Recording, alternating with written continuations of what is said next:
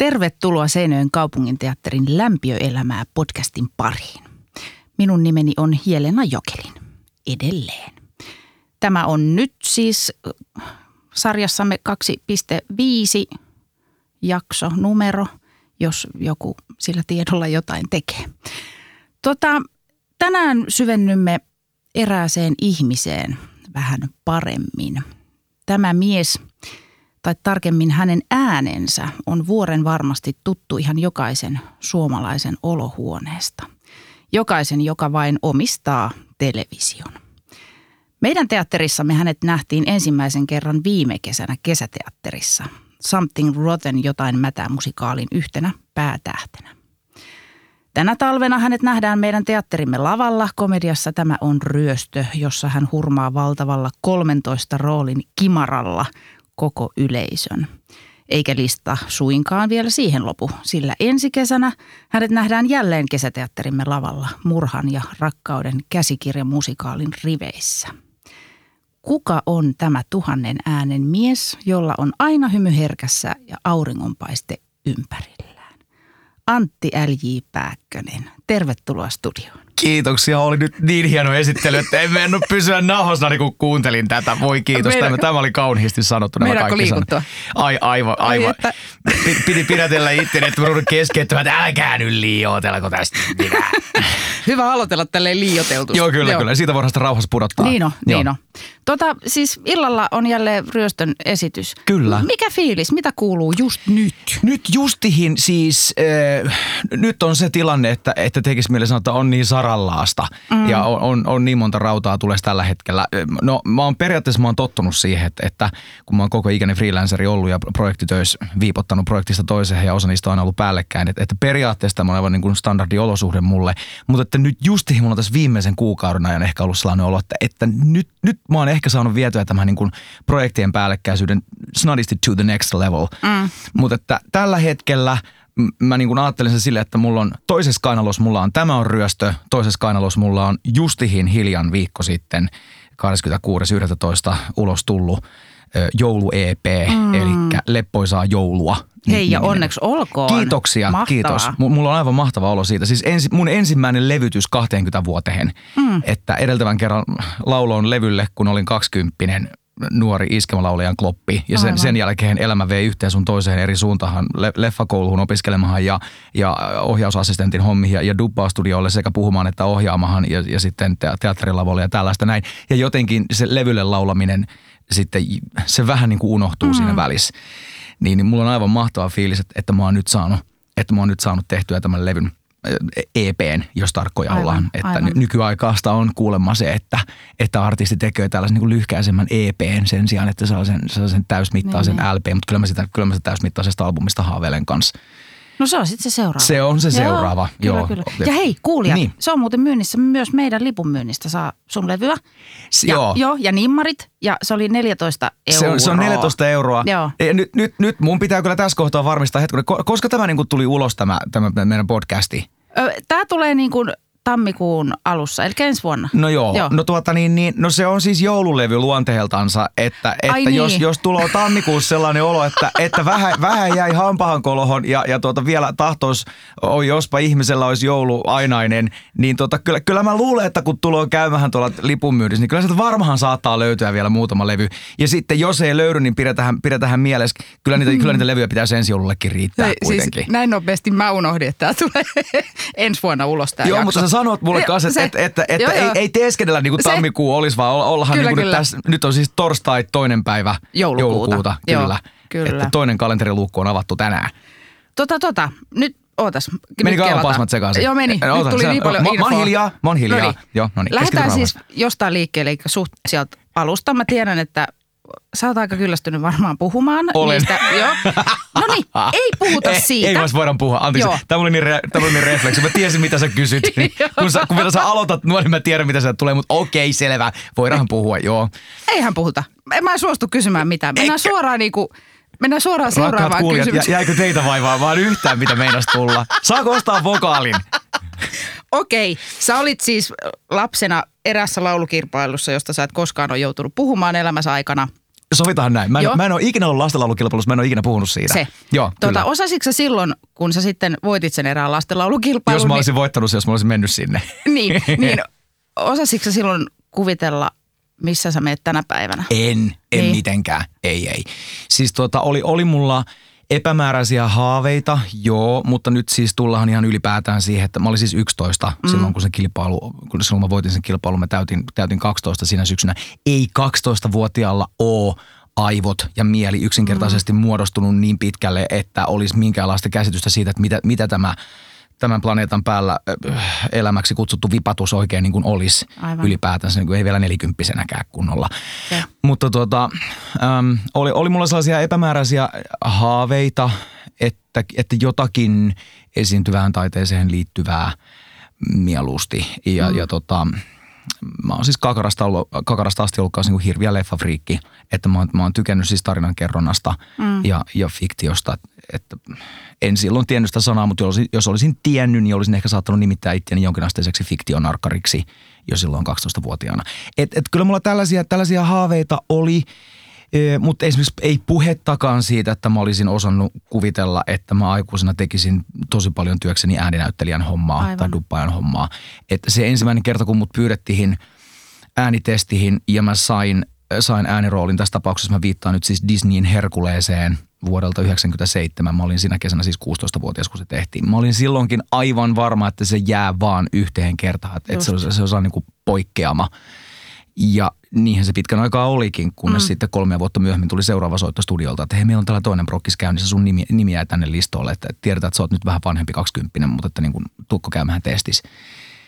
Ja siitä se sitten rupesi pikkuhiljaa, pikkuhiljaa enenemään. Mutta, Mä vielä palaan nyt hetkeksi. Palaa sinne. Joo. Joo. Mä, sä yrität koko ajan mennä eteenpäin. En anna. Tota, No okei. Sä olit silloin lapsi. Mä olin, muistaakseni olin silloin lapsi. Niin, Ja Rupesin su- keräämään aikuispisteitä aika, aika, aika nuorena. se oli tota niin, niin sulla suosio aika lailla siitä lähti nousuun useammaksi vuodeksi. Niin, Joo, no, voisin ehkä näinkin verbalisoida. Joo, selvä. Sähän joo. keikoilla siis kävit aika Kyllä mä kävin kuitenkin. keikolla, joo. joo. Eli vähän tota, mitenköhän tämä nyt kysyisi, miten sun kaveripiiri suhtautui tai, tai tuliko kiusaamista tai kun vois kuvitella, säkin oot Lapualta lähtöisin, että suht pieni paikka Mhm. mm-hmm. kuitenkin, että mi- miten sua kohdeltiin? No tuota, kyllähän niitä yhteen törmäyksiä siinä niin kuin oli. Mm. Sehän oli siis omituinen tilanne sekä mulle itselle, mm. että, että mun kaveripiirille, että ö, sille piirille, jonka kanssa mä päivästä toiseen koulua kävin. Mm.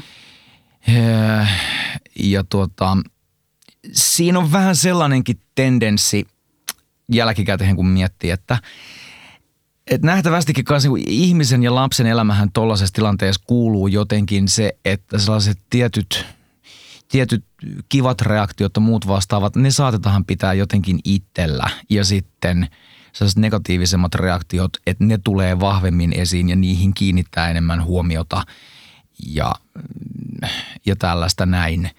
Että ky- kyllähän se, kyllähän se tietynlaista turbulenssia oli se mm. kuudes luokka, mutta toisaalta, toisaalta äh, kyllä sitä turbulenssia oli siinä ollut jo ihan aika luokalta astikin mm, näiden, näiden tällaisten juttujen suhteen. Niin.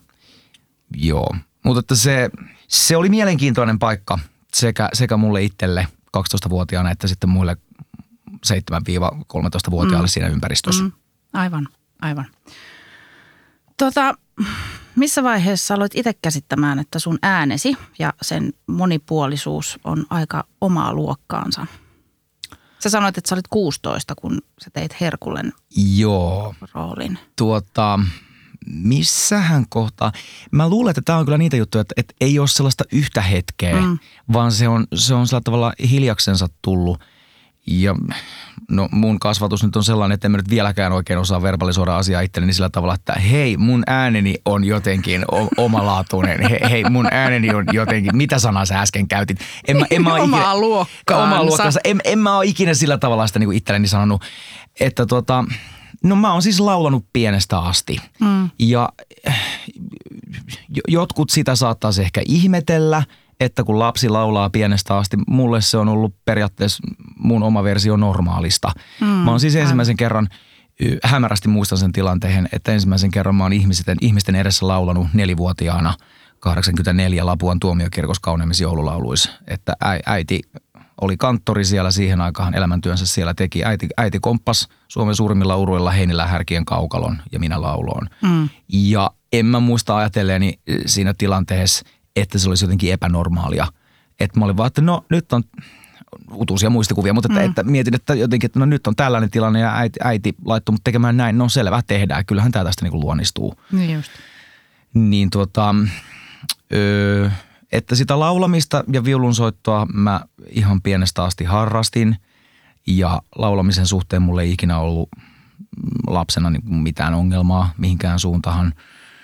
Öö, sellaisen hetken mä muistan, että kun yläaste, kun alaste vaihtuu yläasteeksi ja luo, meidän niin luokat meni uusiksi mm. niin tota, ja tuli tutustuttua uusiin tyyppeihin, niin tässä, tässä podcastissa voin näpsäkästi lähettää mm-hmm. terveisiä Korhosen Tapanille, joka on, oh. joka on täälläkin teatterissa Kyllä. näytellyt. Että Tapsan kanssa me ei päädytty samalle, samahan luokkaan, mutta me päädyttiin samahan puukässäryhmähän. Niin. Ja, tuota, ja siellä tuli tutustuttua Tapsaan ja Tapsalla, Tapsalla oli oli ja on aivan fantastinen huumorintaju mm. ollut ihan pienestä asti. Ja mä, mä muistan, että jotenkin Tapsan kanssa, kun ruvettiin huulta heittämään, niin Tapsa oli ensimmäinen sellainen tyyppi, jonka kanssa yhtäkkiä taas, että hei kun hetken näistä elokuvista voi heittää läppää ihan oikeasti ja, ja, ja niin kuin äänellä voi vähän kikkailla. Ja Tapsa oli se, joka oli opetellut poliisiopistosta Michael Winslown beatboxaamisen. ja kun, kun Tapsa sen teki eteen, mä totesin, ai tehdään noin, okei okay, selvä. Ja, ja sitten ruvettiin kikkailemaan. Muistan, että yhdelläkin metallikässän tunnilla, kun kahdestansa siinä jotenkin värkättiin Tapsa omia, niin minä omia, niin sitten me vihelleltiin siinä leff, leffatunnareita. Mm-hmm. Niin mä muistan, että muuan noin 25 nuori opiskelija, anteeksi, opettajatyyppi, en muista enää hänen nimiänsä, mutta se jotakin kävi värkkäämässä siinä omiansa ja sitten se jotenkin ärähti, että nyt talitintit loppuu tuo viheltäminen. Ja todettiin Tapsan kanssa vaan, että ai jaa, tämä voi käydä hermollekin. Aivan, eli opettajien kauhut. Joo. Ootas, nyt talitintit riittää toi visertäminen. Se, se, se, se taisi Joo, tarkka sitaatti olla.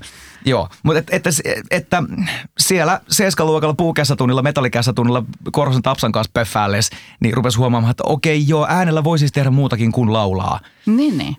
Okei, sitten tuli Herkules. Sitten tuli Herkules, joo. Nyt mä haluan sellaisen luettelon, Joo. sun kaikista niistä äänirooleista, mitä, muistatko nyt ulkoa, mitä kaikki niitä on? Nimittäin kun mulla on semmoinen olo, että kuulijat ei ehkä tajuakaan, kuinka tuttu sä heille olet. Okei, tuota mä en mitenkään voi luetella kaikkia Joo. mun äänirooleja, koska niitä on niin paljon ja äh, sillä mä tarkoitan sitä, että mun tulee tehtyä kans tosi paljon niin sanottuja heittorooleja mm. ja heittiksiä ja, ja sivurooleja. Mm. Eli mies ykkönen kadulla, jäätelönmyyjä vitonen vasemmalta, jo, jolla on yksi tai kaksi repliikkiä, e, e, niin, niin ne vaan yksinkertaisesti Joo. ei jää mieleen. Ja kun luonteeltani muutenkin on semmoinen, että, että jotenkin en kattele niin hirveästi taaksepäin, vaan koko ajan sitä, että okei, mitäs työpöydällä on nyt mm. ja mitäs työpöydällä voisi hetken päästä olla. Mutta ne isoimmat, kyllä mä voin sen sanoa, että, että duppaajan ura lähti siitä, että – että ensin se Disneyn Herkuleen, nuoren Herkuleen puheääni, eli sen leffan ensimmäistä 15 minuuttia, ei lauluääni, mm. vaan, vaan puheääni. Laulun hoiteli Mika Turunen, muistaakseni, ja sitten sen aikuisherkuleen hoiteli sitten Jarkko Tamminen. Sitten seuraava keikka oli ö, Kaunotarja Kulkuri 2, Pepin mm. seikkailut, jossa mä olin Pepin, eli Pepistä tehtiin, tästä Kaunotarja Kulkurin jälkikasvusta mm. tehtiin siis sen elokuvan päähenkilö – niin siinä mä olin sekä sen Pepin suomenkielinen laulu että puheääni. Et siinä, oli, siinä oli heti ensimmäinen tämmöinen niin kuin päärooli, minkä mä tein. Kutakuinkin samoihin aikoihin Pauli Virta, rauha hänelle, niin hän oli Pauli Virta studioillansa, hetkonen Sun Studios oli nimeltään siihen aikaan, niin hän oli saanut jotenkin vihjeen meikäläisestä ja siellä, sieltä tuli soitto – noin vajaa vuosi sen Kulkuri kakkosen jälkeen, että täällä olisi tällainen Ice Age-niminen elokuva tulossa, että haluttaisiin testata sut tähän. Ja ei, ei puhettakaan, että kukaan olisi tiennyt, mikä on Ice niin, Age. Niin, Mä aivan. muistan ihan oikeasti miettineeni, että joku jääkausidokkari, okei okay, niin. selvä. Ja, ja tuota, kävin, kävin tekemässä äänitestit siihen ja, ja sain, sain Hidlaiskiaisen roolin. Se oli, se, oli, se oli siis kolmas duppausrooli, minkä mä ikinä tein. Ja kyllähän muistat, että mua jännitti jotenkin se, kun mulla ei ollut sellaista näyttelijän identiteettiä. Mä vaan ajattelin, että okei, toi hahmo puhuu tosi nopeasti ja sitten sillä on puhevikakin mm. vielä ja sen pitäisi olla hauska. Että kyllä tämä nyt ihan selkeästi ammattinäyttelijän puuhaa. Että minä olen vaan tämmöinen parikymppinen leffaopiskelija, että hyvänen aika. Et mä en vieläkään mennyt uskoa sitä, kun se soitto tuli. Että, et, joo, ö, olin siis luullut muun muassa, että se oli ihan hirveätä ylinäyttelemistä se meikäläisen suoritus. Mm. Totta kai nuori angstinen 20 leffaopiskelija yrittää olla niin, niin aito ja luonteva kuin mahdollista niin kun soit, ja sitten ja pelkäsin tosiaan, että se oli, se oli hirveätä överiksi vetämistä ja sitten tuli soitto studiolta, ohjaaja Heikki Lehtosaari sanoi, että joo, että, että olivat siellä Jenkeissä kuunnelleet tuon sun näyttäjä, tykkäsivät Antti sun hillitystä lispaamisesta, tuu tekemään se rooli. Mä olin, että millä planeetalla nyt edetään, eletään. No joo, äh, Ice Agein Sid, sitten mä muistan, että neljäs rooli, minkä mä tein, oli Disneyn Aarreplaneetassa päähenkilö Jim Hawkins. Siitä mm. oli hirvittävän kiva tehdä, mä tykkäsin siitä elokuvasta kauheasti. Sitten se oli muutaman vuoden tauko, mä sain opiskelut loppuun, olin menossa Inttiin opiskelun jälkeen. Intistä ensimmäisenä päivänä sain kuulla lääkäriltä, että, että niillä papereilla, mitä mulla oli – eli colitis ulcerosa, niin, niin se on automaattisesti vapautus Intistä. Okay. mä olin, että mitä ihmettä mä teen nyt seuraavan vuoden. Mä oon niin kaikki ohjausassistenttipuuhat, mitä on tulossa, niin mä oon kaikki torpannut sen takia, mm. koska mä oon nyt ainakin, ainakin yhdeksän kuukautta Intissä paluumatkalla Turusta, äh, tai sieltä tota, Jyltönsaaren tykistöpatterista bussissa miettiessä, että mitä mä teen, niin äh, mulle soitetaan Ruskeasuolta Sun Studiolta Helsingistä. Tää olisi tällainen elokuva tulossa kuin Pikku Kananen, että tuukko äänitestiin? Mulla että nyt, nyt on jäätävä ajoitus kyllä. Joo, pääsin äänitestiin, kävin mm. tekemässä äänitestin, sain sen keikan. Mm. Siitä eteenpäin alkaa muistikuvat olla vähän hataria. Visin Ice Age 2 tuli seuraavaksi. Mm. Karvakamut Open Season osa 1 taisi tulla johonkin siihen kohtaan. Mä olin siinä se Elliot eli, eli tämä toinen, toinen miespäähenkilö. Ja sitten about siinä 2005, kun mä muutin Turusta Helsinkiin ja Dubbaustudiot rupesi tajuamaan, että, että mä oon nyt ihan, asun Helsingissä huudeilla, mm. niin sitten rupesi enemmän tai vähemmän eksponentiaalisesti kasvamaan sitten nämä mun duppauskeikat. Ja tota, mitähän kaikkea mä nyt voisin kirsikkana kakun päältä sanoo, no Jim Carreyta on dupannut kaksi kertaa. Eli äh, mitkä leffat? Horton Here's a Who, suomeksi Joo. Horton. Mä olin siinä se Horton elefantti. Joo, Sitten mä oon dupannut live action Jim Carreyta, eli elokuva Herra Popper ja pingviinit. joka oli myös hyvin absurdi kokemus. Ja siis ei nyt ehkä se maailman paras elokuva, mutta siinä päivänä kun se tuli ulos, niin molempien iltapäivälehtien kriitikot oli, ne, oli, olivat nähneet siis Dubatun version lehdistöennakossa. Mm. Ja molemmat iltapäivälehdet kriti- kritiikissään mainitti meikäläisen erikseen nimeltä. Tämä suomenkielinen duppaus toimii yllättävän hyvin ollakseen live action. Mä olin vaan, että, mä olin, että koko, koko alan puolesta kiitos. Aivan. Hrrr mitähän muuta kivaa. Sing-elokuvissa mä oon se possu Gunnar, joka on alun perin Gunther ja puhuu saksan aksentilla, mutta suomeksi, suomeksi hänellä on ruotsalainen aksentti ja nimensä on Gunnar. se on ihan mahtavaa, kun sulta noin hahmot tulee sen saman tien lähtee. No eikä edes tuu niin saman tien, kun me joudun kaivelemaan tässä mielessä, että mitäs kaikkea. Sitten, sitten Ylellä pyörii semmoinen lastensarja kuin Alisa ja Yksisarvinen, mm. niin siinä vaan se Yksisarvinen, hirvittävän kiva rooli oli myös tehdä. Silloin toinen samanlainen sarja, samanhenkinen sarja nimeltä Voihan Poni, jossa on samat, mm. samat päähenkilödupparit, eli Jenny Pitkänen ja sitten minä. Mm. Ja Jenny Pitkänen duppaa siis tyttöä molemmissa sarjoissa, ja molemmissa sarjoissa päähenkilö tytöllä on fantasiaeläin lemmikkinä, toisessa on yksisarvinen, toisessa se on poni. Mm. Ja molemmat on vielä luonteeltaan hyvin samankaltaisia. Kaikkea tällaista. Ja sitten on Paavo Pesusieni. Mitenkä mä saatoin unohtaa no Paavo Pesusieni? No mä rupesin miettimään kronologisessa järjestyksessä, että se aikajana vaan hajosi. Kyllä. 2006 sain tehtäväkseni dupata ö, sata, sata olemassa olevaa silloista jaksoa Paavo Pesusientä. Ja sitten tehtiin. Si- no, siinä kohtaa tuli TV-sarjan duppaamisesta opittua tosi paljon. Joo.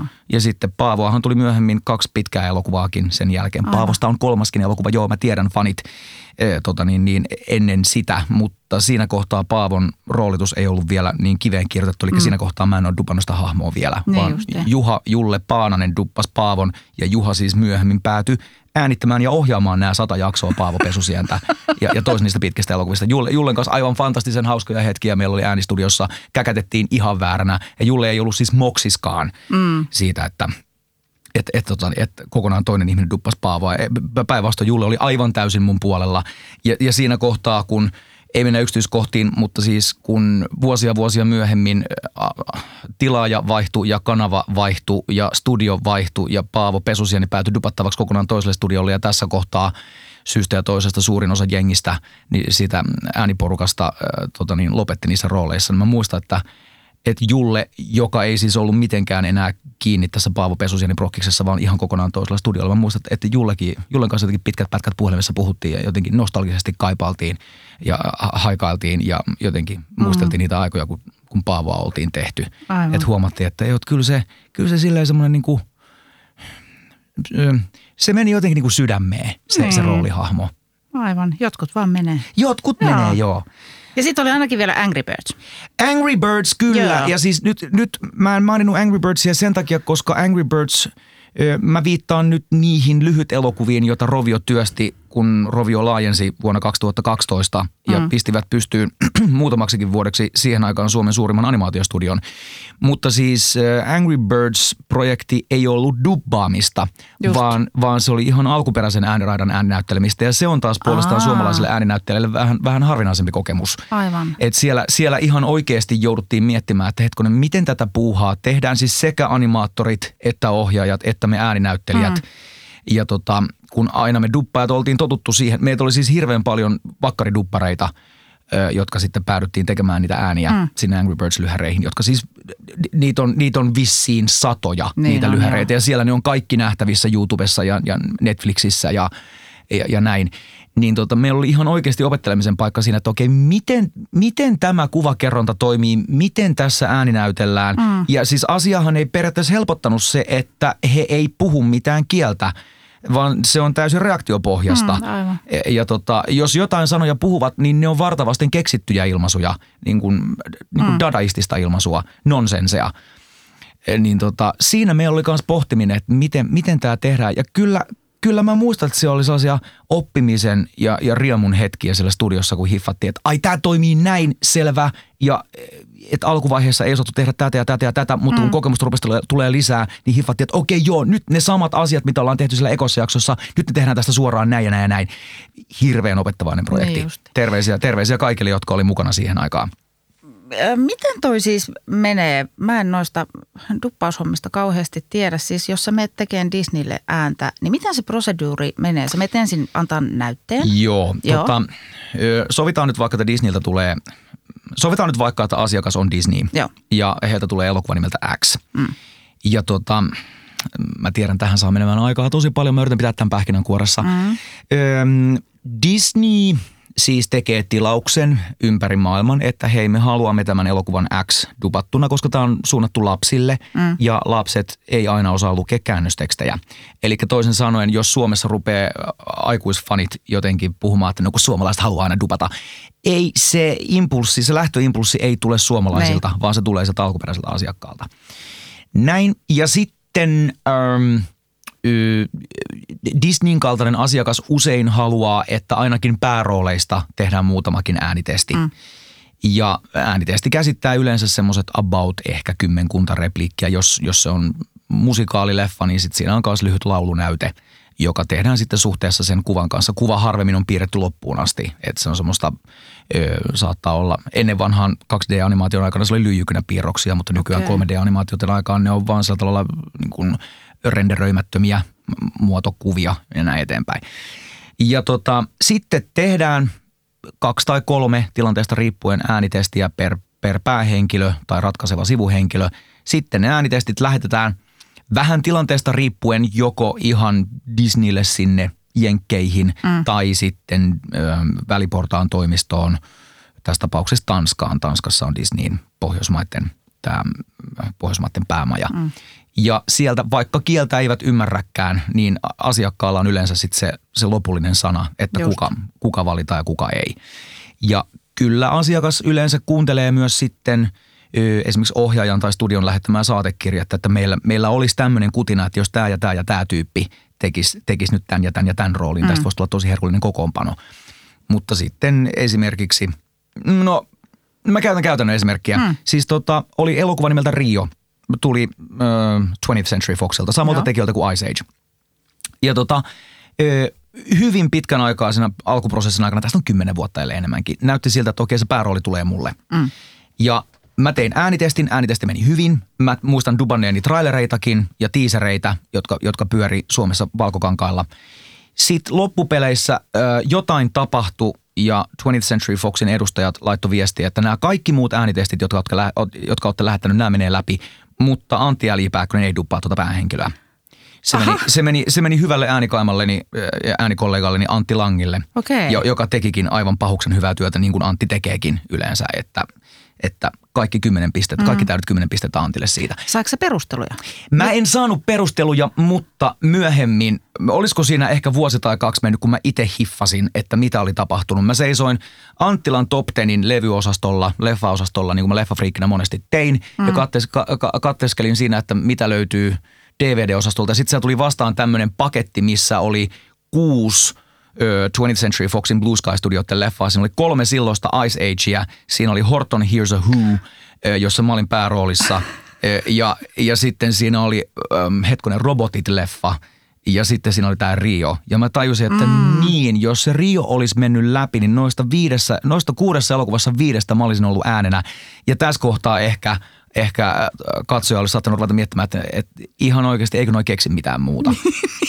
eikö Suomessa ketään niin, muuta? Niin, eli eli joo, asia, joo. asiakkaalla on sitten tällainen oma kokonaiskuva, äh, joka, joka välttämättä, jota välttämättä ei ole studioilla, duppaustudioilla, niin, vaan niin, että niin. asiakas tajuaa itse ajatella, että, että joo, jotta, jotta tämä meidän projektivirta pysyy tällä tavalla ö, sopivan vaihtelevaisena, niin, niin meidän pitää tehdä kanssa jotain. Meidän, pitää, meidän pitää sanoa se viimeinen sana.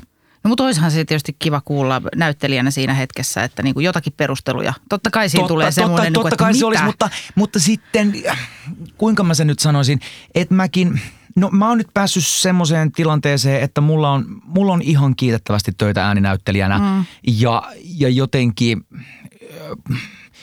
kyllä se monesti on mennyt sillä tavalla, että jos, jos yksi ovi on mennyt kiinni, niin kyllä sinne hetken päästä on sitten joku, sit joku toinen ovi mm, ollut auki. Et, et en mä ole sillä tavalla jäänyt tuleen makaamaan – Sä et ole semmoinen murehtija. Ei, no mä ehkä voisin olla, jos mulla annettaisiin mahdollisuus siihen, niin. mutta No yksi on mikä jäi kaivelemaan. Mä siis kuusi vuotta sanoin kaikille Duppa-studioille selkeän, kun mä olin nähnyt Sam Raimin Spider-Manin, mm. se missä Tobey Maguire esitti Spider-Mania. Joo et, ja, ja lueskelin sarjakuva, sarjakuvia Spider-Manista ja totesin, että, että niin kuin mä saan täysin kiinni siitä, millainen toi hahmo on.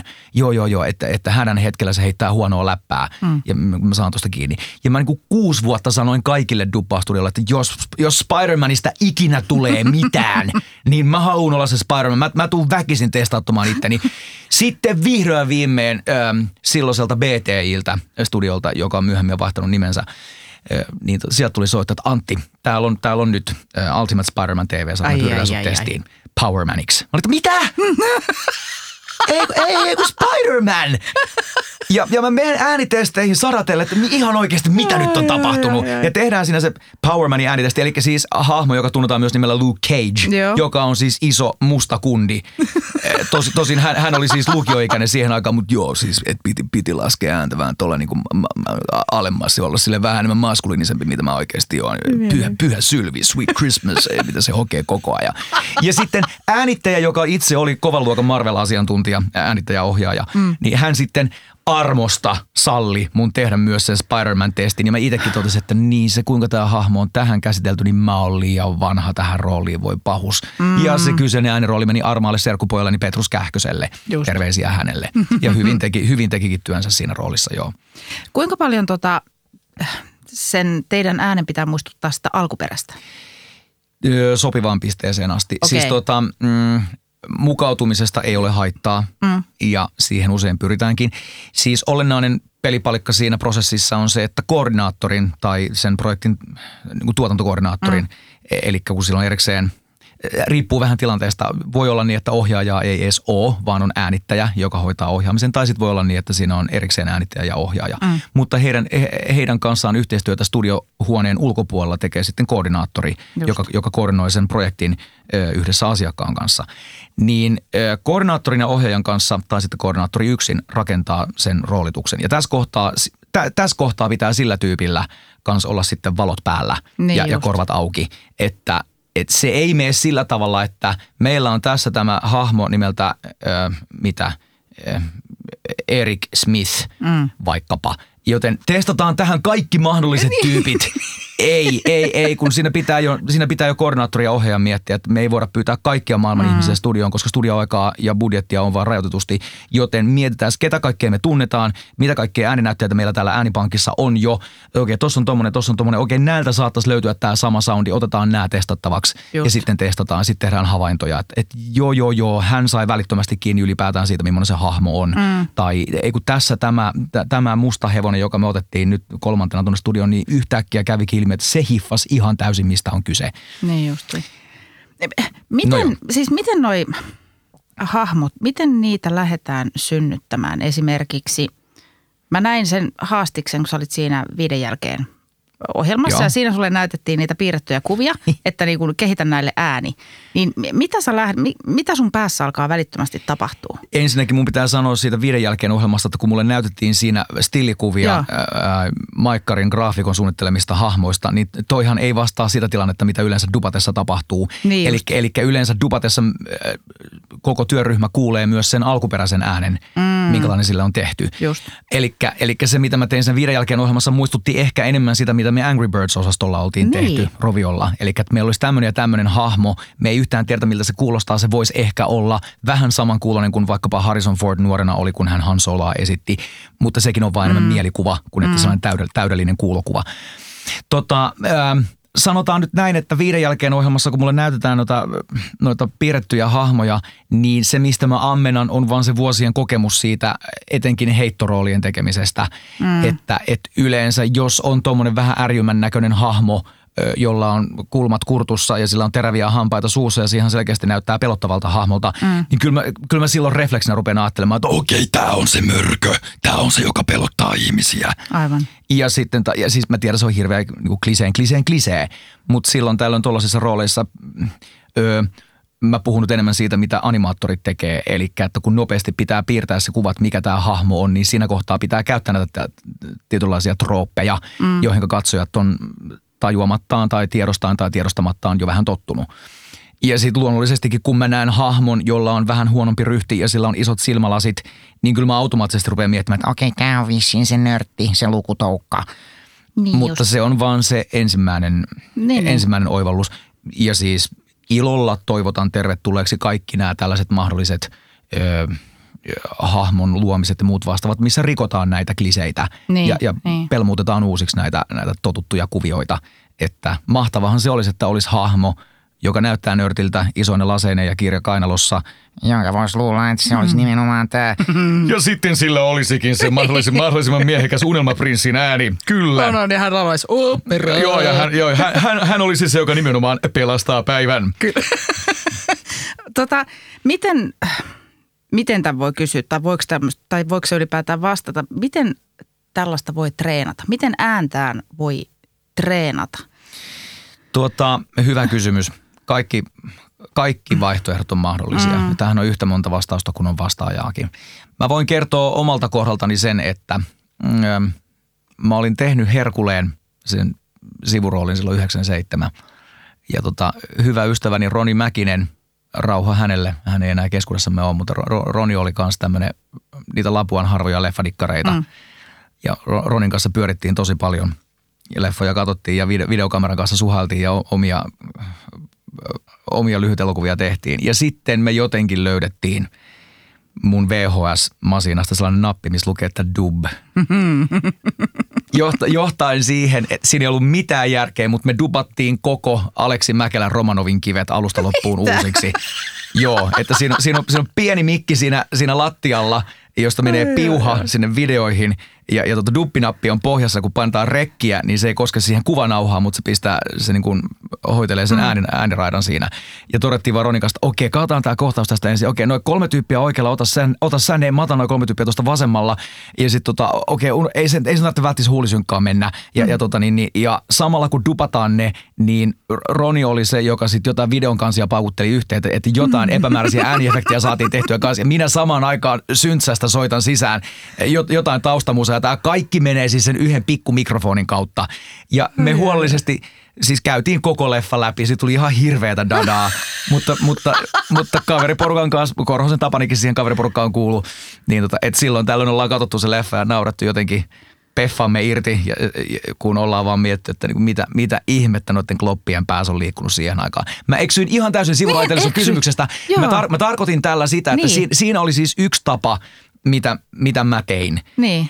Ja, äh, ja huomaa, se oli siis 90-lukua Joo. VHS-kasettinauhureiden aikaa. Nykyään, kiitos digitalisaation, niin kaikilla teineillä on paljon paremmat kalusteet kotona kuin mitä Mm. mulla oli siihen aikaan. Aivan. Ja se, se oli ihan luojan lykky, että siitä yhtäkkiä löytyi se dubnappi. Se ei Aivan. tosiaankaan ollut mikään vakkarivaruste videossa siihen aikaan, se oli ihan täysin säkää. Mutta nykyään, nykyään voi istahtaa läppärinsä ääreen ja kaivaa sieltä vaikkapa iMovien, joka tulee automaattisesti sen läppärin kanssa.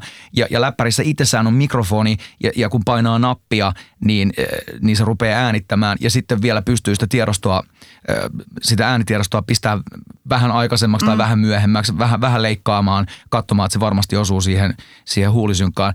Että, että tällaiset tekniset mahdollisuudet siihen, että, että itekseen kotona pystyy harjoittelemaan noita juttuja, ne on paljon helpommat nykyään Mm.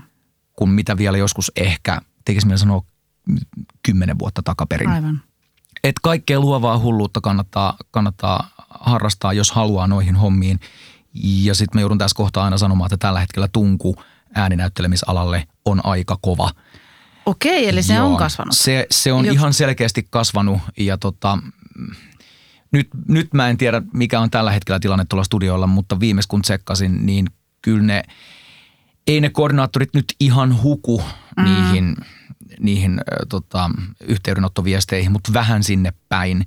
Ja sitä, sitä sisäänheittoa hankaloittaa myös sekin, että kun sitä studioaikaa ja studiokoppia, niitä on vaan käytössä se rajallinen määrä ja siellä ensisijaisesti kuitenkin tehdään niitä tuotantoja. Mm. Ja maailma intensifikoituu koko ajan, koko ajan asiakkaat haluaa enemmän ja nopeammin ja valmiimpaa ja parempaa, niin se on helpommin sanottu kuin tehdä sitten repiä jostain se aika Niin. ja, ja testata uusia tulokkaita. Kyllä siihen, siihen pystytään joo, kyllä uusia tulokkaita, kyllä ne, kyllä ne ainakin jotkut, jotkut pääsee testeihin, Mm. mutta, tota, mutta ymmärtääkseni se on, se on tietty turbulenssi tuossa kohtaa enemmänkin jotenkin kuuluu alaan siihen, siihen kuinka näitä hommia tällä Aivan. hetkellä tehdään. Onko siis sellaista, sellaista ilmapiiriä vielä tai ajatusta jollakin, että, että no sehän on niin helppoa tehdä jotain duppaushommia, että kuka tahansa siihen voi ryhtyä. Mä- Siksikö joo. sinne niin kuin tungetaan? Mä, y, mä, tää tulee nyt lonkalta tämä mun vastaus, mutta mä luulen, että ö, tietyt, tietty ihmisporukka jotenkin ajattelee noin, että no ei mm. se tarvitse muuta mennä kuin sinne studioon ja vaan Niin. aukoa päätänsä ja se on siinä. Ja, tota, Ja sehän niin- on siis kaikkea, mutta sehän on ihan tosi vaikeaa. Kyllä siinä haasteensa on. Ja mm. siis ihmiset, jotka luulee, että se on helppoa, niin ne haksahtaa, tämä on nyt kyökkifilosofiaa, tää, mm. ne haksahtaa siihen, että he on saattaneet nähdä jotain making of materiaalia alkuperäisten ääninäyttelijöiden työskentelystä, jolloin heidän ei tarvitse tehdä, siis alkuperäisten ääninäyttelijöiden ei tarvitse tehdä synkassa kuvan kanssa mitään, Niin. vaan he menee studioon, he lausuu repliikit, animaattorit on paikalla tai animaattoreiden pääohjaajat tekevät muistiinpanoja. Mm. Sitten sen jälkeen alkaa se animointi niihin huulteliikkeisiin. Jotenka Niin se, se periaatteessa se, se on vähän helpompaa kuin se, kuin se duppaaminen itse. Mutta sitten kun tullaan duppaamaan, niin sitten ollaan naimisissa sen huulisynkan kanssa mm. ja sen alkuperäisen tulkinnan kanssa. On, on näyttelijä, joka on ohjaajan opastuksella tehnyt jo ö, näyt, näytteleviä, siis taiteellisia ratkaisuja siitä, että miten hahmo toimii. Aivan. Ja, ja sitten pitäisi jotenkin osua siihen, siihen taiminkiin, siihen ajatukseen, että, että mitenkä, mitenkä ne repliikit toimii. Ja on silloin tällöin ollut tilanteissa, missä, mm,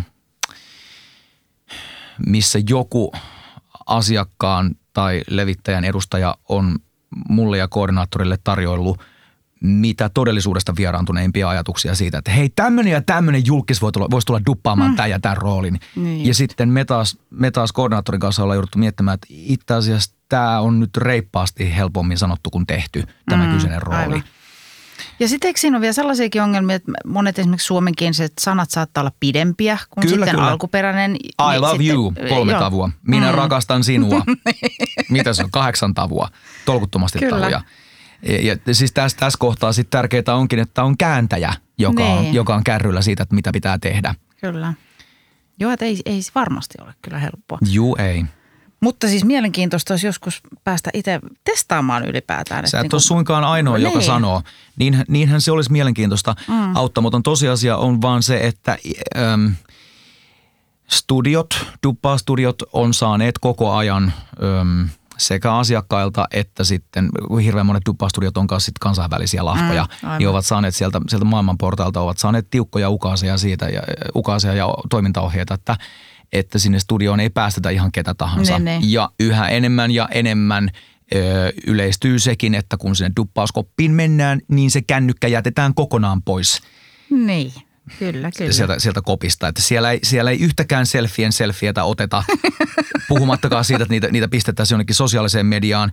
E, ja, tota, ja halutaan huolehtia, että- ensinnäkään siitä dupattavasta materiaalista ei vahingossakaan, siitä TV-ruudusta ei näy mitään sosiaaliseen mediaan. Myöskin studiot haluaa olla kanssa aika tarkkoja, että, että se tekniikka, jota he käyttää, niin he ei halua, että siitä, siitä tiedot lähtisi Niin, niin. kovin hanakasti leviämään minnekään.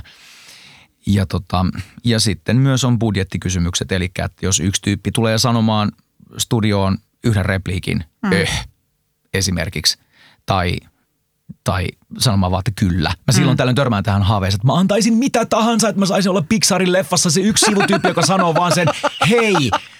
Mutta kun silläkään ei ole todellisuuden kanssa mitään tekemistä, koska kun yksi tyyppi tulee studion sanomaan hei, mm. niin hänelle maksetaan sitä yhdestä heistä kuitenkin sen, sen kokonaisen ö, studiotunnin palkka. Aivan. Toisin sanoen sillä ajalla pitäisi päästä sanomaan vähän, vähän Enemmän. muutakin asioita kuin Kyllä. vaan se yksi hei. Kyllä, kyllä. Niin sen, senkin takia sinne mieluummin sitten halutaan ihan, ihan kokeneita ammattiduppareita, mm. joista tiedetään, että kun, se, kun toi ja toi tyyppi pyydetään studioon, niin me tiedetään, että me saadaan noin 20 heit, heittishahmoa tehtyä siinä sen yhden, yhden tunnin aikana Niin, niin, niin, niin. esimerkiksi. Okei, ääninäyttelijä duppaa ja siitähän me voitaisiin puhua vaikka koko ilta, mutta sun Niin pitää voitais. päästä esitykseenkin. Joo, mutta se on niin paljon jo. Joo, Okei, no. mutta tota siis, ja nyt meillä on vielä vaikka mitä kaikkea muuta juteltavaa. Mitä? Eikö nyt mä taas sivuraitehille tässä? Et Voi mitenkään. Sä oot jotenkin hyvin lyhyt sananen koko ajan. Joo. Ihan saa jo Joo, puskee. kyllä. Tota, osaatko sä imitoida? Ee, Mä en ole ammattiimitaattori, mä en Niin. ole Jarkko Tamminen. Niin. Ee, Mä, mä en ole Jope Ruonansuu, rauha hänelle. joo. Silloin tällöin erinäisiä hahmoja, erinäisiä puhetyylejä on matkan varrella tarttunut. Mm. No siis bravurini on Oiva Lohtander il- ilmeitä, ilmeitä myöten. Tai, tai sitten, no siis, no siis Andy McCoy, skullassa vai jääpä tota sun skebane sulle työelämässä ole mitään hätää. Muistan, että kun Vesamatti Loiri oli vain elämää ohjelmassa vieraana, niin siihen aikaan kun duppausohjauksia tein, niin tein se havainno, että joka kolmas mies duppari halusi ruveta studio, studiolla jotenkin vaan matki, matkimaan äh, oma, omaa tyylisen loiri, loiri, loiri ja hänen puhetyyliä. Kuten huomaatte, mun loirini ei ole paljon mistään kotoisin. Öö, mutta että en mä, en mä sillä tavalla Niin. niin. ammatti-imitaattorina itteeni pidä. Mutta ihan tällainen niin harraste mielessä. No Joo, joo, joo. Ama, amatööri. Joo, koska tavallaan niin kyllä sitä, kyllä sitä voidaan pitää imitointina kans mm. sitä, mitä, mitä, mitä duppaushahmon kanssa tehdään silloin, jos duppaushahmolla on tosi vahva ö, omalaatuinen puhetyyli. Aivan. Niin kyllä siihen pitäisi tavallaan osata sitten vähän osuakin. Aivan. No mitäs, luetko äänikirjoja Juu, nauhalle? luen, luen äänikirjoja. Joo. Olen tehnyt sitä puuhaa. It, itse asiassa nyt tämä syksy, niin mä oon joutunut vähän rauhoittelemaan äänikirjojen lukemista, koska okay. tässä, tässä on näitä teatterikiireitä ollut sen verran paljon. Mutta joo, olen, olen lukenut ö, esimerkiksi ö, semmoinen ö, entinen brittilääkäri, nykyinen käsikirjoittaja nimeltä Adam Kay, oli kirjoittanut kirjan nimeltä Kohta voi vähän kirpaista. Mm. Hänen omista päiväkirjamuisteloistaan lääkärinä. Joo. Ja tota, siitä tuli hillittömän hauskaa palautetta mulle äänikirjalukijana. Ja tota niin, niin että, että jos, jos voin yhden täkyn tässä nyt podcast-kuulijoille antaa, niin es, esimerkiksi tämän, tämä kirja, si, siitä mä oon silleen ylpeä. Mm-hmm. Mä oon lukenut paljon lastenkirjallisuutta. Mä saan lukea paljon esimerkiksi Marvelin noita, kun sarjakuvista on sovitettu Ai, ai, last, ai, lastenkirjoiksi. Kyllä. Spider-Man ei tiennyt, mitä hän seuraavaksi tekisi, kun tohtori Mustekala hyökkäsi hänen kimppuunsa. ei, sanoi Nick Fury. Kas Iron Man tuli paikalle, sen jälkeen he pelastivat maailman yhdessä. Voi luoda. Eikö se ole aika yksinäistä puuhaa? Onhan se. Joo, mitä Joo. olen ymmärtänyt. Mullakin aika paljon tuttuja on, jotka niitä Joo, tekee. ja tota, äm, silloin kun mä oon ensimmäistä äänikirjani lukenut ihan tonne Seelian näkövammaiskirjastoon, niin tota, se studio, missä niitä silloin luettiin, niin siellä oli erikseen äänittäjä. Okei. Okay. Mutta, tot, mutta hyvin pian, mä en tiedä mikä kaikki siihen on vaikuttanut, mutta, mutta hyvin pian siitä niin kuviot muuttui silleen, että kyllä se on lukija itse, joka painaa sitä rekkiä ja stoppia. Niin. Joittenkin poikkeustapausten kohdalla erikseen on äänittäjä. Esimerkiksi silloin, jos asialla on vaikkapa joku äm, esim. influenceri, joka on kirjoittanut elämänsä ensimmäisen kirjan ja sitten mm. kustantaja on halunnut, että myös hän sitten lukee sen kirjan. Niin just. niin siinä tapauksessa on ihan täysin perusteltua, että, että, että noin ensikertalainen tyyppi, niin hänelle ei anneta sitä rek- ja stop-nappia, Niin, niin. vaan että siellä erikseen on äänittäjä, joka tekee havaintoja. Aivan. Mutta tota, mutta joo, äänikirjan lukeminen, se on siitä jännää puuhaa, et, että tota, mm, mielenkiinnolla silloin tällöin somesta seuraan ö, äänikirjakuuntelijoiden ö, keskustelua. Mm. Tehdäkseni havaintoja muun muassa, että, että tälläkään taiteen saralla sellaistahan fakiria ei olekaan olemassa, joka osaisi miellyttää kaikkia kuulijoita. Mä oon siis monesti samasta kirjasta saanut sekä ruusuja että risuja – että olen samasta kirjasta saanut muun muassa kuulijapalautteeksi sen, että ee, neljä tähteä kirjalle, yksi tähti pois sen takia, koska lukija oli mitä oli. Ja, ja että olen saanut samasta kirjasta palautteeksi, että, että voi hyvänä aika eikä tule lukijalle voi tehdä yhtään mitään. En, en voi sietää sitä, kun nuo englanninkieliset nimet ääntää noin amerikkalaisetaan, vaikka tapahtuu Lontoossa. Oi ja samasta ei. kirjasta on sanottu, että, että tämä tota, brittiläinen ääntäminen menee kyllä vähän yli. Ja sitten taas heti perään joku, joku joka on sitä mieltä, että ihan mahtava lukija. Mm. Niin tossa, tossa ei oikeastaan voi muuta kuin vaan kohaut, kohautella Niin. olkapäätä ja pyöritellä peukalauta, että ei, yritän tehdä kaiken mahdollisen, mitä voin tämän asian eteen, mutta loppupeleissä mielipiteen muodostaa sitten kuulija itse. Kyllä, kyllä. Ja niitähän niin kuin sanoit, on niin monta kuin on kuulijaa. Joo, joo, joo. Et, että kaikki jotenkin nyökyttelee yhteen ääneen sille, että joo, kyllä, kyllä se vaan niin on, että eh, joo, kyllä äm, hyvä lukija voi nostaa keskinkertaisen tekstin hyväksi, mutta sitten huono lukija voi hyvästäkin tekstistä tehdä huonon. Ja kaikki on samaa mieltä siihen pisteeseen asti, kun kaikki tajuaa, että ei, kun toisen hyvä on toisen huono. Mm, että ei ole aivan. mitään absoluuttista hyvää ja huonoa. Aivan. No tota, mitäs TV-mainokset? Teetkö niitä? No spiikkaajana olen tehnyt niitä, mm. joo. Muutamassa TV-mainoksessa on käynyt ihan näyttelemässä sille omalla lärvillänikin. Niin justiin. Et tota, joo, mainospiikkejä. No siis ö, vielä hetki aika sitten mä olin Foodoran mainosten vakio ääni. Ö, Aa. joo, kyllä. Foodora lataa sovellus ja tilaa nyt. No niin onkin. Joo, niin on, niin on. Se on mahtavaa, kun toi tulee saman tien toi Joo, sitten tuota Stokkan hullujen päivien haamun ääni. Mä oon ollut kanssa. Uudistin kaiken sinua varten. Nyt, äh, hullut päivät, nyt Stockman tavarataloissa ja hullutpäivät.com. Sitten sä vielä osaat noin ulkoa kaikki. No niitä on sen verran paljon tullut toistettua, että, että väkisinkin Niin, tietyt niin. jutut jää mieleen. Okei. Okei, sitten teatterilavat. Yes!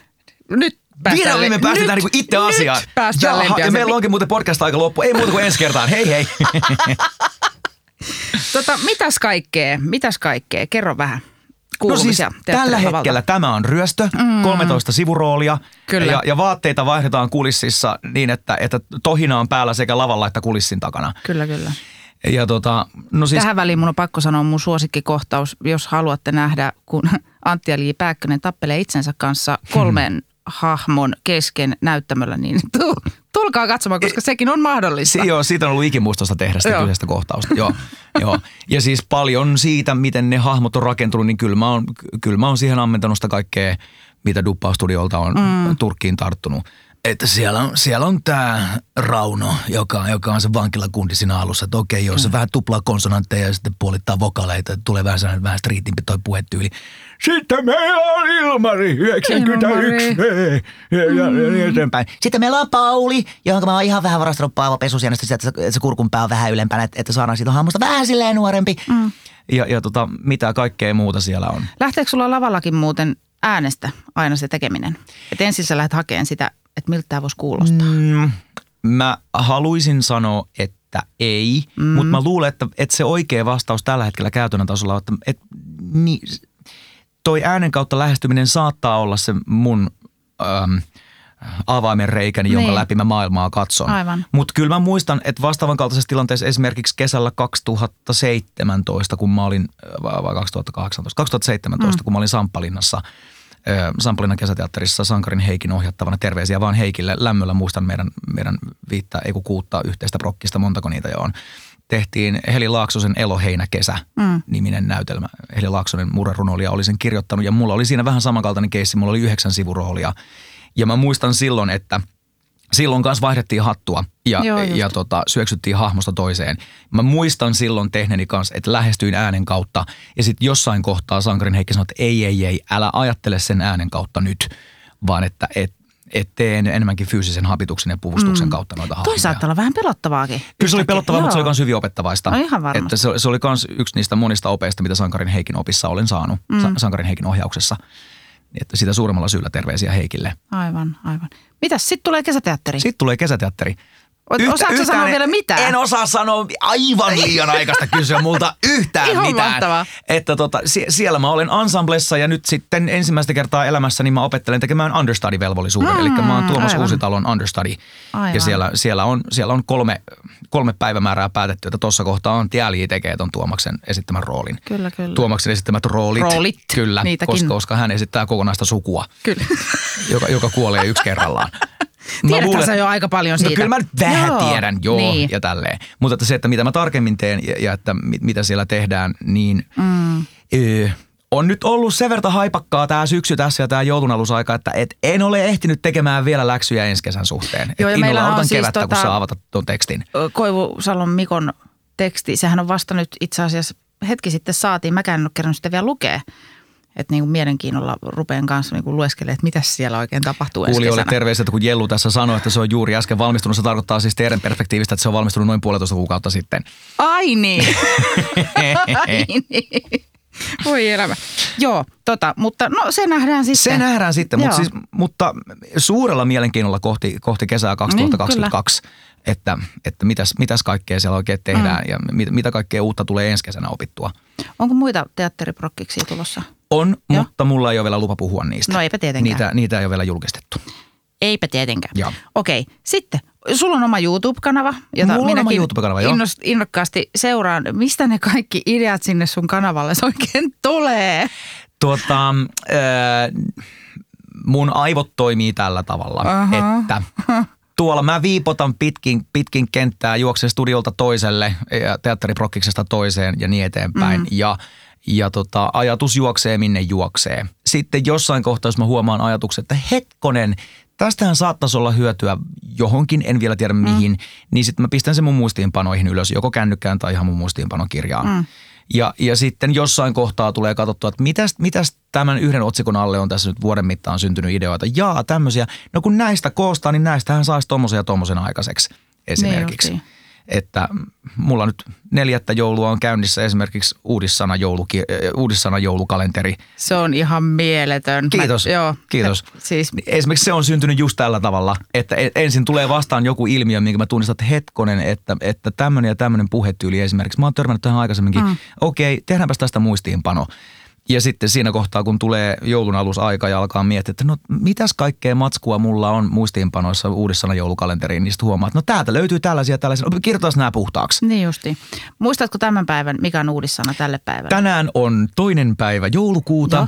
ja tänään uudissanana on toisertaa. Toisertaa. Toisertaa, se on se, on se kun siis tota, ota mä, so, mä sorvaan tästä saman tien tämän esimerkin. Se on se, kun sanoo, että, että tota niin, niin, ai että kun menee hyvännäköinen auto tossa ja toinen sanoo, että kuulepas hyvännäköinen auto, mepäs nyt kuule, mepäs, mepäs viemään ne roskat. Joo justi. Tiedä heti mistä. Se on, se Joo. on toisertamista. Hän toisertamista, selvä Joo. homma.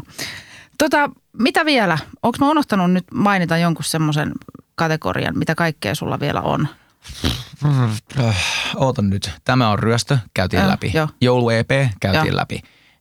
Duppaukset on niistä Joo. nyt käytiin läpi Joo. oikein kunnolla. Joo. Kesäteatteri, Kesä, ja- kesäteatteri, joo. YouTube-kanava on. Joo. Siis tot, mä löydyn YouTubesta nimellä Antti LJ.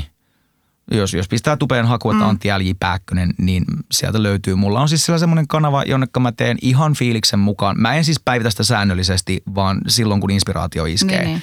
Et sieltä löytyy kaiken maailman lauluvideoita, että pianon ääressä istuskelen ja lauleskelen joko itse tekemiä biisejä tai cover-versioita tai mm. sitten potpureita. Siellä on muutama semmoinen, ö, siellä on muutama semmoinen kuunnelmapohjainen sketsikin, minkä mä oon tehnyt muun muassa ja kaikkea. Ja erinäisiä videopäivityksiä esimerkiksi siitä kaikesta, että mitä, mitä noin projektiluontoisesti kullakin hetkellä on ollut käynnissä. Mm. Sitten oli tämä mun ehdoton suosikki tämä hivenen erottisävytteisesti luettu. Oliko se nyt just se ren, rentoutus? Siellä on eriksensä semmoinen, semmoinen rentoutus, kolmen minuutin rentoutus, jossa tehdään, tehdään parodiaa rentoutuskuunnelmista ja sitten sit Sitten siellä on erikseen Esko, es, Esko Latvapöykien lukema erottinen novelli. Sen, sensuelviira viimeinen viettelijätär. Se oli aivan mahtava. siitä on tullut ihan hauskaa palautetta. Oota, joo. mä kato kello Katso kelloa. välillä, että mitä se oikeasti on. He, oho, no niin, onhan juteltu. Oli, olisiko Tota- pitänyt jättää katsomatta vai? Olisi ehkä pitänyt. Äh, Mä Voi kysyn, kauhia. mä kysyn aina mun joka jaksossa mun vierailta lopuksi yhden kysymyksen, eli omista unelmista, semmoisista ammatillista, että minkälaisia unelmia sulla on tulevaisuuden suhteen? Um, Mitä kaikkea haluaisit tehdä? no tota, mm, yhtä sun toista. Mm. Mä esimerkiksi, no esimerkiksi semmoinen haave mulla on ollut ihan, mä en muista koska se ekan kerran tuli mieleen, mutta johtuen siitä, koska mä oon 20 vuotta soittanut nuoruudessa viulua, Mm. niin mä haluaisin kerran päästä esittämään Sherlock Holmesia lavalla, koska mä, voisin, mä pystyisin tekemään semmoisen Sherlock Holmesin, joka ihan oikeasti osaa soittaa sitä viuluansa Aivan. esimerkiksi. Plus, että mun sisällä asuu sellainen pieni, Sherlock. ei kun semmoinen, semmoinen britti kautta anglokulttuurin diggari. Okei. Okay. Niin, niin, tota, niin senkin takia. Sitten tota, mä oon pitkän aikaa haaveillut siitä, että voi kun Roger Rabbit joskus tilattaisiin dubattavaksi suomeksi, koska multa mm. lähti se please Eddie. mutta, mutta mä luulen, että Roger Rabbit on sen verran aikuisempaa materiaalia kuitenkin, että, että siihen ei ikinä tulla tarttumaan, että siitä, siitä duppausta tilattaisiin. Oi, se oli meidän nuoruuden leffa. Joo, Ihana. joo, niin, joo, niin Joo. munkin nuoruudelle. Joo. Mä oon kerran päässyt Marvel-piirretyissä duppaamaan Deadpoolia, mikä oli hirveän hyvä äh, kompensaatio sillä, että mä en sitä Spider-Manin roolia saanut, mutta Deadpool mm. kävi vaan vierailemassa yhdessä Ultimate Spider-Manin jaksossa. Me oli ihan hiivatin hauskaa sen hahmon kanssa. Mä niin toivoisin, että Deadpool saisi oman spin-off-sarjansa. Mm. Semmoisen, jonka väkivalta olisi sen verran mietoa ja huulenheitto sen verran lapsille kohdiste- kohdistetumpaa, että sitä ihan oikeasti voisi dubata. Öm, mä haaveilen siitä, että no siitä asti kun mä kuulin, että Roger Bart, joka oli siis Kansankulkuri kakkosen Pepin lauluääni, mm. tosin kreditoimaton, mutta olipa kuitenkin. Kun mä kuulin, että Roger Bart on ö, Disneyin Herkuleen tuossa näyttämöversiossa Hades, mm. niin mulla tuli semmoinen olo, että mä haluaisin olla kans se mm. Hades livenä lavalla. Sitten sit mä kuulin sen jälkeen, että paitsi että hän on Hades, hän on myös Palu tulevaisuuteen musikaalissa Doc Brown. Oi. Ja mä niin haluaisin olla Paluu tulevaisuuteen musikaalissa Doc Brown. Kyllä. Et, et jotenkin, mä silloin tällöin olen heittänyt tästä hetulaa mun omassa sosiaalisessa mediassa vaan todetakseni, että, että siihen aina joku kaveri tarttuu ja sanoo, että itse asiassa Antti, mäkin haluaisin nähdä sut Doc Brownina. Niin. Ja mulla on semmoinen että niin, niin minäkin. Kyllä, Oh, kyllä. Great Scott, 1.21 gigawatts. Wow, wow, Doc, wait a minute. You mean you build a time machine out of a DeLorean? The way I see it, Marty, if you're gonna build a time machine into a, into a car, why not do it with some style? Ja niin eteenpäin. No niin, siinä oli pätkä elokuvasta. Paluu Joo. tulevaisuuteen. Että kaikkea olisi. Kaikkea olisi, joo. Mutta hei, että- kun unelmia sanoo ääneen, niin, Niin. niin se on jo askel siihen, että ne saattaa jopa toteutua. Mä todella, to, todella toivon Joo. niin. Niin, niin tota, mm, katsotaan, katsotaan, mitä tulevaisuus mukanaan tuo. Mm. Että sekin, senkin on tullut kokemukset tällä uralla opetettua, että sitten vaikka kuinka haaveita olisi, niin niitä ei sillä tavalla saa lukita. Mm, että, aivan. tota, että jos, jos vastaan kävelee yhtäkkiä joku ihan out of the blue, ihan nurkan takaa joku hyvä, hyvä ehdotus, niin siihenkin kantsii tarttua. Tämmöinen kokemus mulla viime kesänä mm. oli esimerkiksi Ruune Perä Something Rottenissa. Aivan, aivan. Tota, ja sitten sä puhuit siitä, että sä haluaisit joskus ehkä tehdä vielä sen koko pitkän levyn. Mä haluaisin tehdä kuule koko pitkä, siis koko pitkä levy, öö, esimerkiksi koko pitkä joululevy, niin siitä on ihan puhuttu tämän mun Leppoisaa joulua EP-työryhmän kanssa, että sen, senkin voisi jossain kohtaa tempasta. Mua on ruvennut tämän joululevyn äänittämisen myötä hotsittamaan kanssa se, että voisi tehdä myös levyn, jossa ei olisi joulumusiikkia, mm. vaan semmoista ympärivuoden kuunneltavaa musiikkia. Että sekin on ruvennut polttelemaan. Tämä on siitä jäänyt, kun sä sanot, että koko pitkä, Niin. Niin. ensimmäisenä mulla tulee mieleen siis koko pitkä leffa. Siis pitää muistaa, että mähän olen siis entinen leffaopiskelija, jo- joka oli kovasti kiinnostunut ohjaamisesta ja käsikirjoittamisesta. Enkä, enkä mä vieläkään sitä haavetta ole sillä tuolla romukoppaa heittänyt. Mm. Että silloin tällöin huomaan vieläkin miettivän, että olis, olishan se kiva koko pitkän leffan verran saada jonkin sortin elokuvaohjaus, ootörismiä niin kuin harrastaa. Mutta taas jälleen kerran tullaan siihen, että et ei, ei saa lukita liikaa, Niin. ei, ei saa ajautua haaveittensa vangiksi. Aivan. Mitäs, äh, sävellätkö niinku itse omaa musaa? Esimerkiksi Joo. Lepposaa joulua EPn kaikki Niin. kolme kappaletta, ne on mun, ne on mun säveltämiä ja sanottamia. Aivan. Ja sieltä löytyy YouTubesta, sieltä mun YouTube-kanavalta, sieltä löytyy muutama itse tehty biisi. Mm.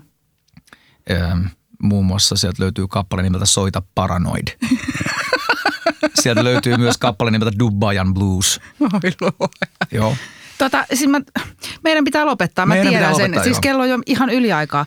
Nyt Joo, meidän mun pitää juosta pukemaan. Niin, sun pitää juosta pukemaan, mutta nyt, nyt improvisoidaan tähän loppuun jotain. tota, ja tässä kohtaa menee ihan lukkoon. Joo. Ei, minulta ei synny yhtään mitään. No niin, anyway. koska siis mä olisin halunnut sulta jonkun semmoisen ihanan rentoutuksen, mutta nyt me ei saada sellaista. Joo, mutta, mun aivot juoksee tällä hetkellä Joo. nieluja, että en minäkään osaa rentoutua Se- nyt justihin. Mutta tota niin, nyt otetaan semmoinen mielikuvaharjoitus, että kun tämähän tosiaan tulee julki vasta sit ensi vuoden puolella. Joo. Niin me eletään nyt ikään kuin menneisyydessä niihin nähden, jotka tätä kuuntelee sitten. Mm-hmm. Niin nyt Antti täältä menneisyydestä voisi vinkata jotain niille tulevaisuuden kuulijoille ehkä tähän loppuun. Jotain, tieksä, mitä me tiedetään, mitä he eivät vielä tiedä tai, tai jotain. Ja mä en sitten tämän jälkeen enää, enää sano mitään, kun Antti tämän jakson päättää. Että mä sanon tässä kohtaa kiitos Antti. Oli tosi mahtava, kun tulit vieraaksi. Ja tota, kuulijoille niin ehkä tapaamme, en tiedä. Heippa. Nytkö Antti siis ennustaa? Joo, nyt Antti ennustaa. Hyvät kuulijat, täällä puhuu Antti L.J. Pääkkösen sivupersona Anders Köpchen. Minä olen suuri ennustaja, sitä ei vaan kaikki tiedä. Ennustan teille seuraavaksi lottonumerot.